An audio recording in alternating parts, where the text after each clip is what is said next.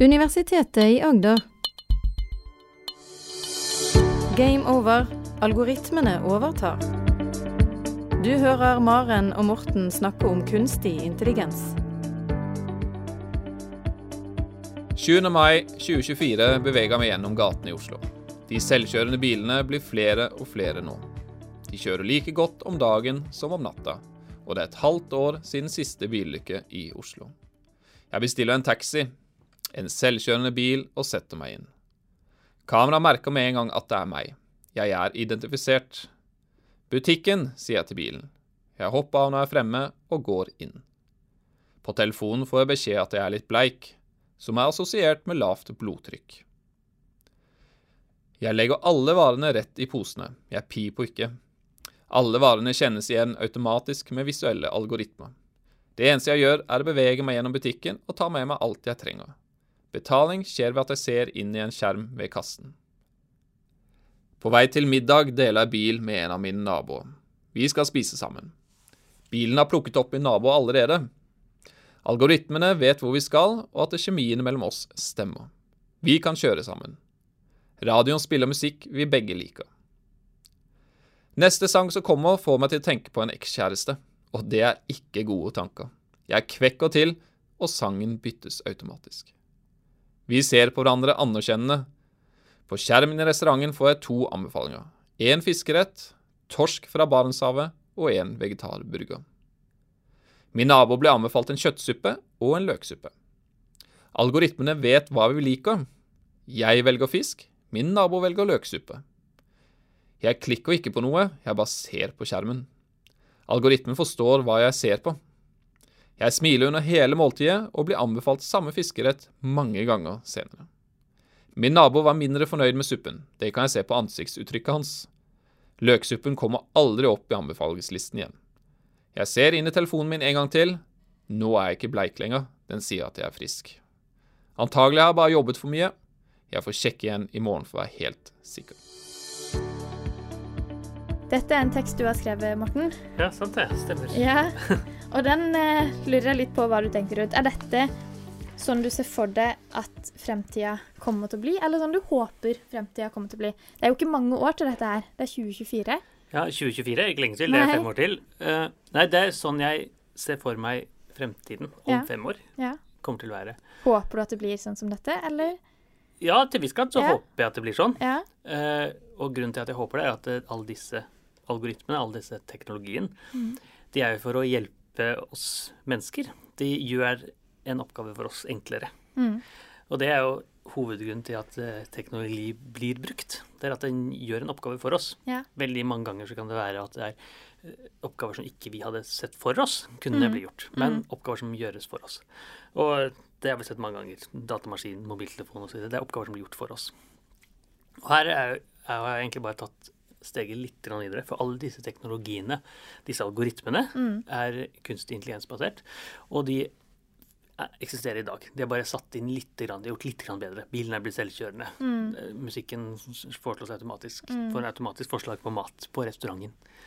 Men i dag, f.eks. på Netflix eller HBO-appene osv., så, videre, så er det jo forslag disse filmene liker du. Mm. Så det er ingen grunn til å tro at ikke det samme kan skje for en restaurant, f.eks. Men ønsker vi å gå den veien? Må bare spise den samme maten og spise ting vi vet vi liker, og ting vi tenker jo det høres litt sånn litt kjedelig ut i lengden. Litt uh, Vi ønsker å prøve nye ting.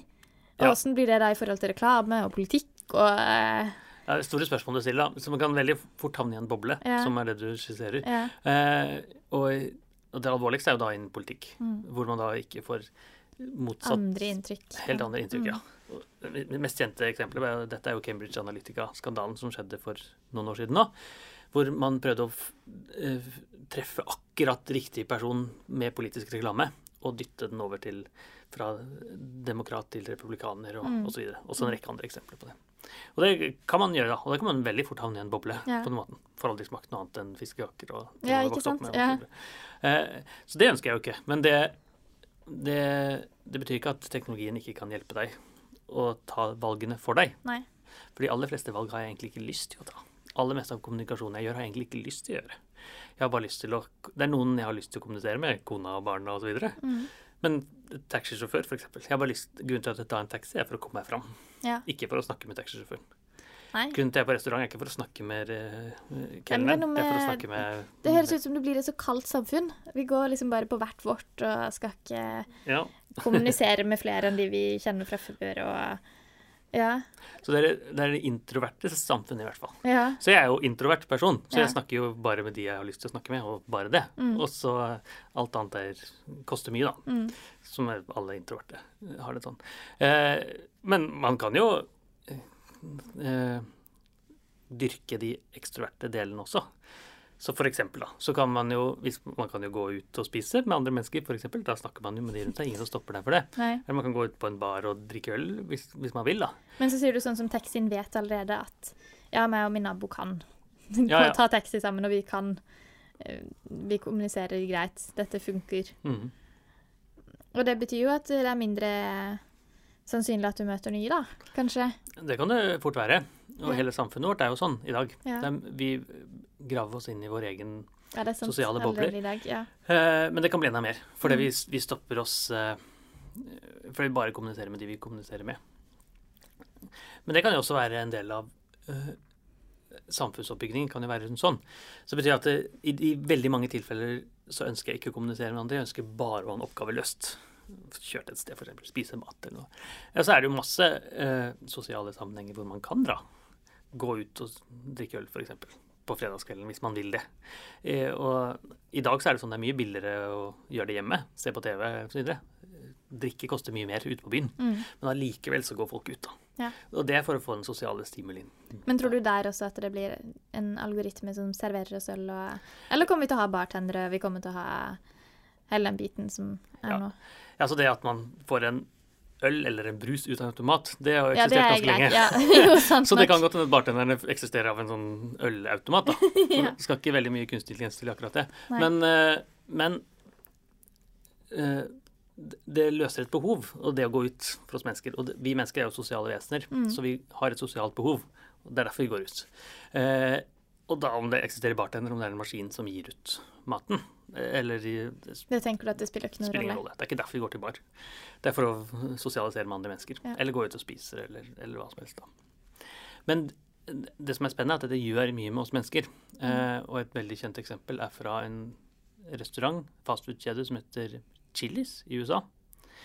Og de automatiserte eh, eh, deler av eh, kjøpsprosessen. Mm. det er sånn at du, fikk en, du skulle bestemme hva du skulle handle ved å trykke på en automat. Jeg tror det har skjedd noe på Burger King og noen andre steder også. Mm. Så den første konsekvensen er selvfølgelig at eh, de som serverer maten, mister jobben sin. Mm. Dumt for de som mister jobben, men det har mye mer konsekvens enn som så. For det som skjedde, var at eh, salget gikk enormt opp, og spesielt av type dessert. Mm. Så når man slapp å snakke med andre mennesker, så bestiller man veldig mye mer av disse tingene som man ikke har lyst til å bestille foran andre, da. Mm. På McDonald's eller på Chili's. Dette. Så man spiller fire ganger så mange is ble solgt etter at de er automatiserte. Og det er sånt, sånne uante konsekvenser man kan få Ja. når man ikke lenger snakker med mennesker, men snakker med roboter på den Mm. måten. tenker jeg. Ja. Eh, Men det betyr ikke at det er et dystopisk samfunn man ser for seg om fem år. Det betyr at man har en samfunn hvor man har mange av de tingene som er en oppgave i dag, som forsvinner. F.eks. det å velge eh, mat på restaurant er en veldig liten oppgave, akkurat det. da, å velge Ja da. Men, Men, noe av det som er koselig når du er på ferie, f.eks., er å gå og se og hva Det er jo forskjell da på hverdags Hvis jeg bare skal ut for å ha noe kjapp mat, Ja. så kan jeg være enig i at ja, to valg er fint. Men hvis jeg skal gå og se på hva jeg har lyst på på ferie, og vi skal kose oss og spise lenge, og, så er det kanskje en litt annen situasjon, da, eller en ja, ja, det er en helt annen setting. Ja. Og det jeg skisserer, er jo ikke det at man må spise de to tingene, men det er de forslagene som kommer. ja. Så, sånn som vi Så du får andre valg i tillegg. Ja, altså Det er jo opp til restauranten selv, selvfølgelig. Ja, ja. Men eh, det ser jeg for meg. da. Ja, du ser for deg Så hvis jeg ikke har lyst på de to tingene som blir servert, så kan jeg velge noe annet. Mm. Sånn som det er på Netflix i dag, eksempel, da. Hvis jeg ikke kommer den videoen som jeg foreslår, så kan jeg jo gå inn og se på noe annet. Mm. Men det er litt mer jobb, da. Mm. Akkurat det som, det som passer meg best, ligger nærmest Ja. på den måten. Og det er jo de tingene som er der, da. Og jeg syns det høres veldig deilig ut å gå på matbutikk og bare plukke alt i posen, og slippe å skanne i ettertid, og det virker jo veldig behagelig. Og deler av det er jo selvfølgelig disse bildealgoritmene som vi har snakket om litt før. Mm. Eh, for det, det å kjenne igjen om du er eh, brokkoli eller blomkål eller Mm. potet osv., det klarer algoritmene i dag veldig, veldig bra. Bedre enn oss mennesker, faktisk. Så da slipper vi strekkode og kanskje mindre plast da? Det kan godt hende man tar mindre plast, ja, absolutt. For man ikke trenger å ha plast rundt eh, brokkolien, for den bare går automatisk. Mm. For det skal være en strekkode på den. Ja. Eh, Det er lenge til man kan genetisk modifisere strekkode inn i brokkolien. Men man, så nå man må ha en emballasje rundt den. Så det kan godt hende det kan redusere litt av Mm. plastforbruket også. Eh, men det handler jo også om at det er det å handle, eller det å planlegge ukeshandel, da. vi Mm. planlegger lørdager, prøver å planlegge hele uken, da. Eh, det kan jo automatiseres ganske mye med kunstig intelligens. Så du tror ikke det går bare over til at man får alt servert hjem, og alt rett på døra? Jo, det, det kan det også gå. Ja. Det, det er jo enda enklere. Da er man nok noe lenger frem i tid. Og altså, det er vanskelig å spå når ting skjer, men eh, jeg vet at Amazon gjør akkurat det. Så i dag så er det sånn Amazon er denne som, eh, butikken som startet som en bokbutikk på internett. Mm. Eid av en som heter Jeff Bezos, veldig kjent eh, gründer. Eh, så før så var det sånn at du i USA bestilte ting, og så ble det sendt ut til deg. Nå er det sånn at de faktisk sender ut ting først, og så venter de på at du skal bestille det til ditt område. Ja, ja. Og hvordan får de det til? Jo, de får til det med kunstig intelligens-algoritmer. og da er det sånn at istedenfor at de da eh, shop then ship, som de kalte det, så når da ship then shop. Oi. Først så sender de det ut da. Og det er litt det samme som Netflix gjør. Litt det samme som HBO gjør, bare at de gjør det virtuelt med videoer osv. Her er det ting som du forventer kommer til å handle i ditt område. De gjør det på omtrent som 5% av varene på den måten. Og hva gjør det, eh, hva gjør det med oss? Jo, i USA, som det er innført, da, så kan man bestille varer på minuttet. Ja. Jeg ønsker nå eh, to chili, kjøttdeig og poteter eller noe sånt, da. Og så eh, får man da ut det på minuttet, hvis man vil bestille det. For det er allerede funnet ut at det kommer du til å trenge ja, i ditt område. Så allerede da så er det i, i systemet? Det er allerede systemet i dag i USA, ja. Og så har de ambisjoner om å sende ut litt droner og så videre, så man automatiserer vekk mennesker helt. Ja. Men uh, typisk For det er jo noen matbutikker i dag òg som har utlevering av mat, altså, eller hjemlevering av mat. Men da bestiller du typisk da, selv, da. Ja. Men så har du noen sånne matkasser og sånt som Ja, det velger for deg. Mm. Men de er jo ikke individualisert på den måten. Nei. Så da velger du om du liksom er en hvor stor familie, om du er vegetar eller om du har allergier og Mm. de typer tingene, og så får du matboks basert på det. Det er jo ikke potensialet. Potensialet er at det kan individualiseres akkurat i meg. Mm. Så jeg har noen matpreferanser som jeg kan si til dem. Mm. Men jeg, hvis de klarer å skjønne hva jeg kommer til å like At liksom på torsdager så har vi en full dag med fotball og sjakk og alt mulig som vi gjør. Så at jeg får litt mindre koketid Ja. på tingene på torsdager, Da f.eks. trenger du noe kjapt. Da trenger jeg noe kjapt, f.eks. Mm. Og sånne ting er jo kunstig intelligens veldig, veldig god til. Og det er jo egentlig ikke noe annet enn alle de algoritmene vi har snakket om før. Altså de lærer seg akkurat hva jeg trenger og foretrekker basert på masse, masse, masse, masse input om meg, Mm. og personer som ligner på meg, da. Så selv om jeg har noen preferanser innenfor mat eller for eh, restauranter eller kjøreting, så er det noen personer som ligner mye på meg, som har antageligvis veldig mye av de samme Mm. preferansene på den måten. Og det er det jeg skisserer i den eh, teksten her om 2024. Ja, det blir spennende å se åssen det blir. Ja, det er selvfølgelig spennende, og det er antakeligvis er alle disse spådommene helt feil. Det blir- noe annet som det er, for det er veldig vanskelig å si hva som egentlig slår an. Ja, det er klart. eh, en av de tingene som snakkes mye om det, eller som jeg bare så vidt peker inn på, er jo helse, f.eks. Ja. Sier at jeg er blek i Ja. huden.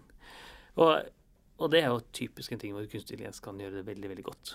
For det den skjønner veldig fort, da, at hvis jeg har noen hudsykdom, eller noen sykdom som gir seg utslag i mitt bilde, jeg har sett noen eksempler man kan finne sykdom ved å se på neglene, f.eks.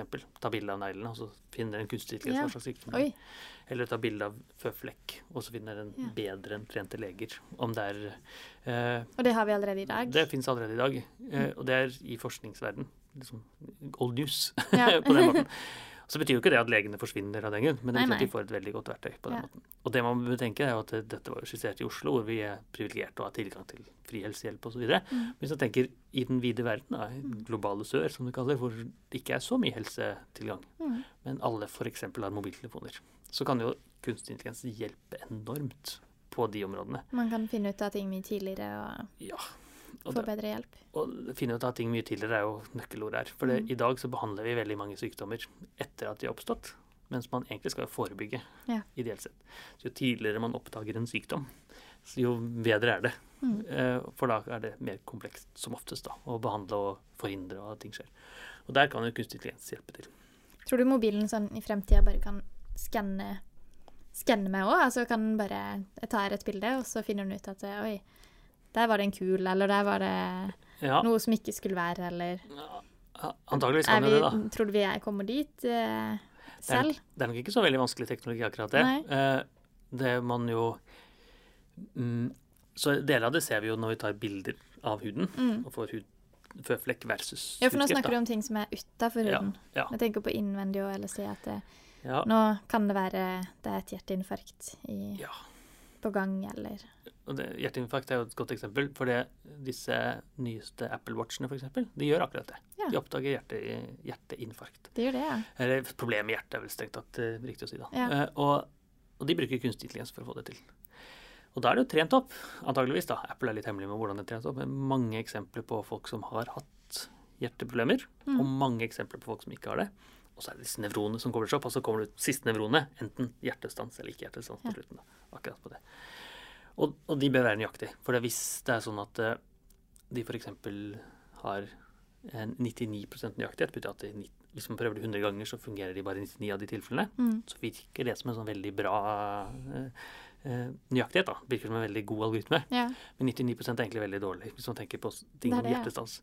For det eksempel, hvis du da måler pulsen din, da, som disse Apple Watchene gjør, eh, hver en gang i minuttet, så vil den jo da gjøre feil hvert hundrede minutt i snitt. da. Så oftere enn er annenhver time. Ja, det er Så da kommer sånn, nå er jeg hjertestans, jeg hadde to i forrige time, på en måte. Så, så begynner folk å ignorere Ja, det blir litt ulv-ulv. eh. Da blir det veldig ulv, ja, Mm. helt riktig. Og det er en av de store dilemmaene i kunstig intelligens-verden, egentlig. At man, de algoritmene må være så nøyaktige at vi tør å stole på dem, selv når vi prøver det liksom 100 ganger i timen Ja. for å få det til. Da. Uh, og, og derfor er det sånn at uh, man kan være litt skeptisk til å gi helseapper som er basert på kunstig intelligens, rett til enkeltpersoner, for de ikke ofte har like god forståelse som trente leger for disse falske positivene og alt disse tingene.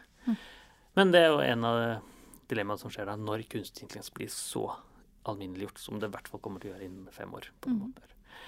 Men igjen, dette er altså teknologier som hjelper oss i hverdagen. Og hvis ikke det hjelper oss, så blåser vi det. Ja. Når det hjelper oss, så tar vi det inn.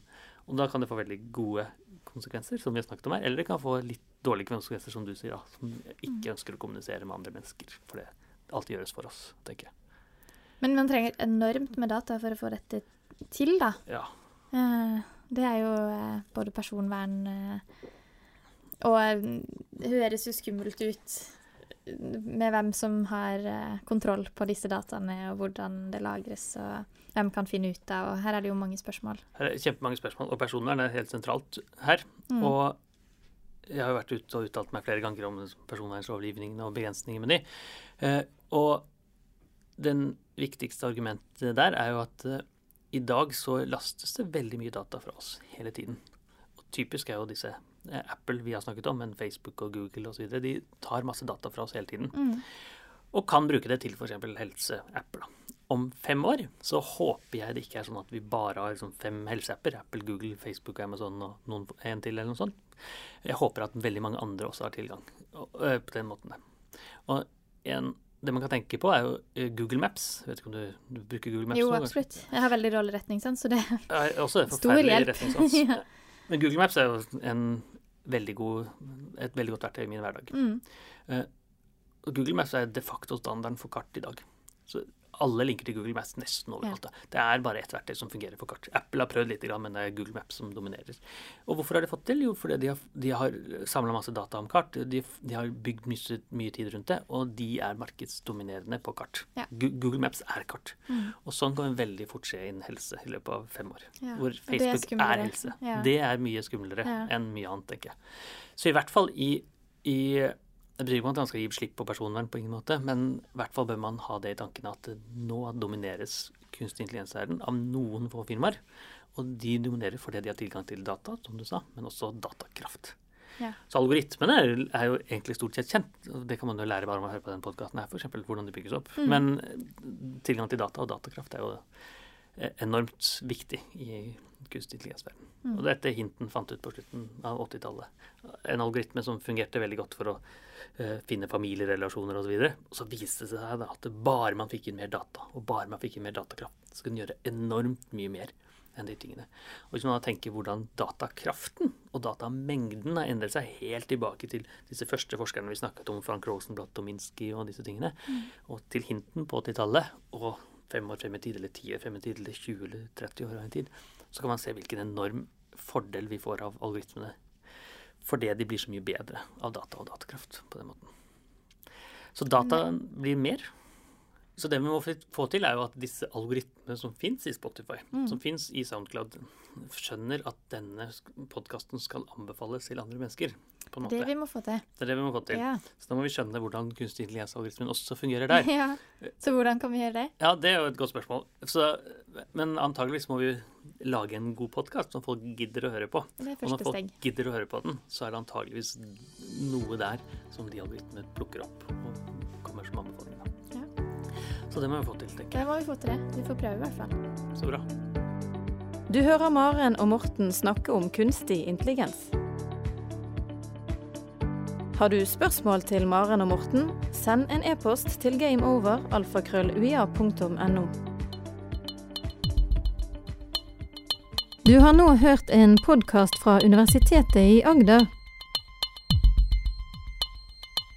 Du finner flere podkaster fra UiA på uia.no podkast.